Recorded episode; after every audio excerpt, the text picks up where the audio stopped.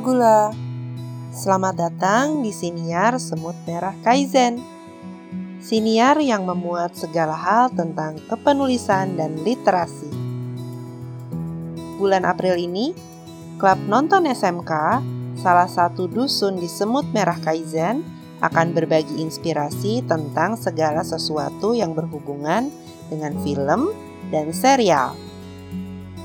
Saya Semut Winda di episode ini akan membahas sesuatu yang sudah saya tonton dan saya akan buat ulasannya.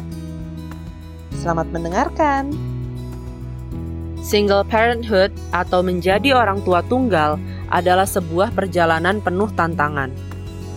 Berhadapan dengan stigma, upaya pulih dari luka masa lalu, dan ketidakpastian masa depan akan dijalani dengan penuh suka, duka, dan jatuh bangun.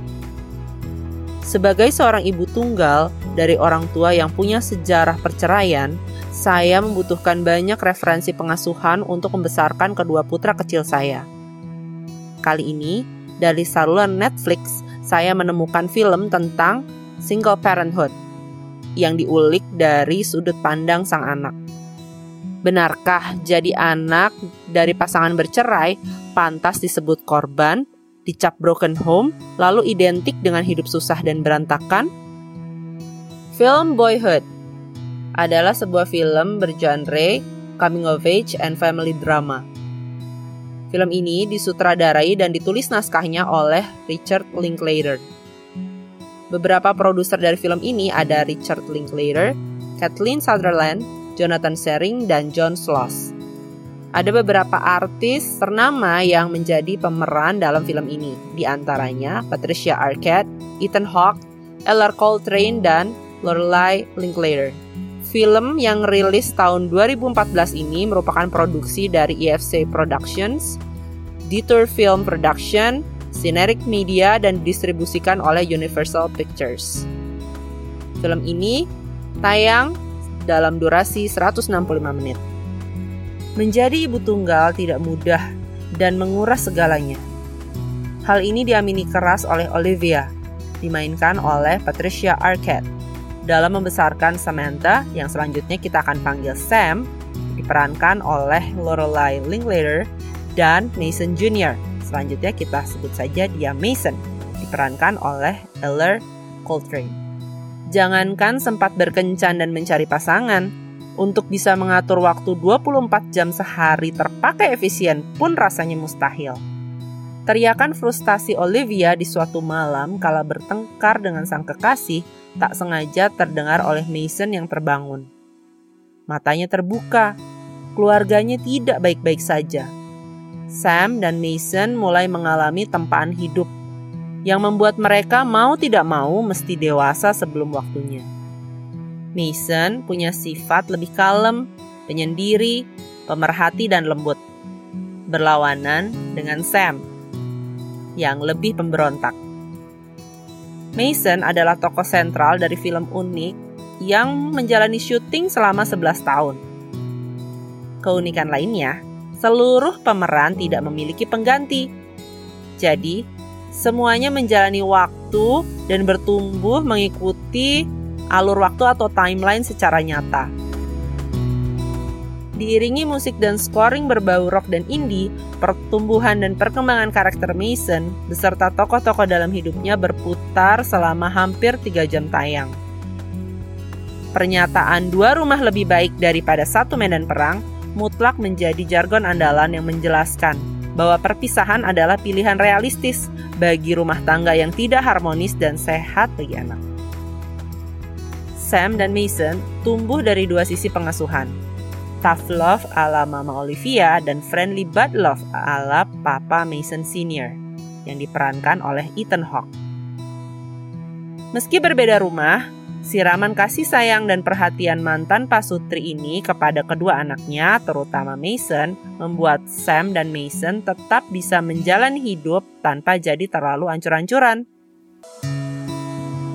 Dengan caranya masing-masing, Olivia dan Mason Senior mampu menangani setiap gejolak pertumbuhan anak-anak mereka. Misalnya, saat Olivia mengetahui Mason mencoba alkohol dan narkoba, ia tidak serta-merta memarahi tanpa ampun. Mason Senior pun saat tahu Sam mulai berpacaran, langsung memberikan obrolan pendidikan seks saat nongkrong bareng anak-anaknya. Ia juga mengajak selalu sang anak-anak untuk terbuka dan saling bercerita tentang hidup masing-masing. Film Boyhood turut menyorot problematika orang tua tunggal dalam menjalani kehidupan asmara. Olivia dan Mason Senior pun sama-sama menjalani jatuh bangun kehidupan pasca perceraian. Olivia yang menghadapi dua suami penyiksa dan pecandu alkohol selepas Mason Senior akhirnya berani bangkit dan mengutamakan keselamatan anak-anaknya ketika para pria tersebut mulai mengancam Mason. Mason Senior sendiri mau membenahi hidup dan settle down dari hidup ala koboi penuh kemerdekaannya. Lega sekali melihat sikap Olivia yang sebelumnya masih seperti memasang tembok dari Mason Senior, akhirnya bisa melunak dan lebih dewasa menerima kehadiran sang mantan suami dan berlaku sebagai mitra sejajar dalam pengasuhan anak-anak mereka. Ini adalah sebuah ketingkat kedewasaan yang tinggi, belum banyak dimiliki oleh pasangan bercerai lainnya. Sisi pertumbuhan Mason tak kalah menarik untuk diulik. Bagaimana ia berevolusi dari bocah 6 tahun yang penuh pertanyaan menjadi pemuda 18 tahun dengan mimpi dan logika berpikir kritis. Pokoknya Mason cocok banget jadi cowok idola. Memang, layaknya remaja, ada kenakalan-kenakalan yang dilakoni Mason atas dasar solidaritas dan rasa ingin tahu namun, pengalaman pahit termasuk patah hati saat ia ada di depan pintu kedewasaan menjadikan Mason membuka mata. Kepedihan hidupnya adalah lembaran perjalanan yang membuatnya jadi lebih tangguh. Akhir film ini digambarkan manis dan melegakan. Bisa juga membuka angan kita.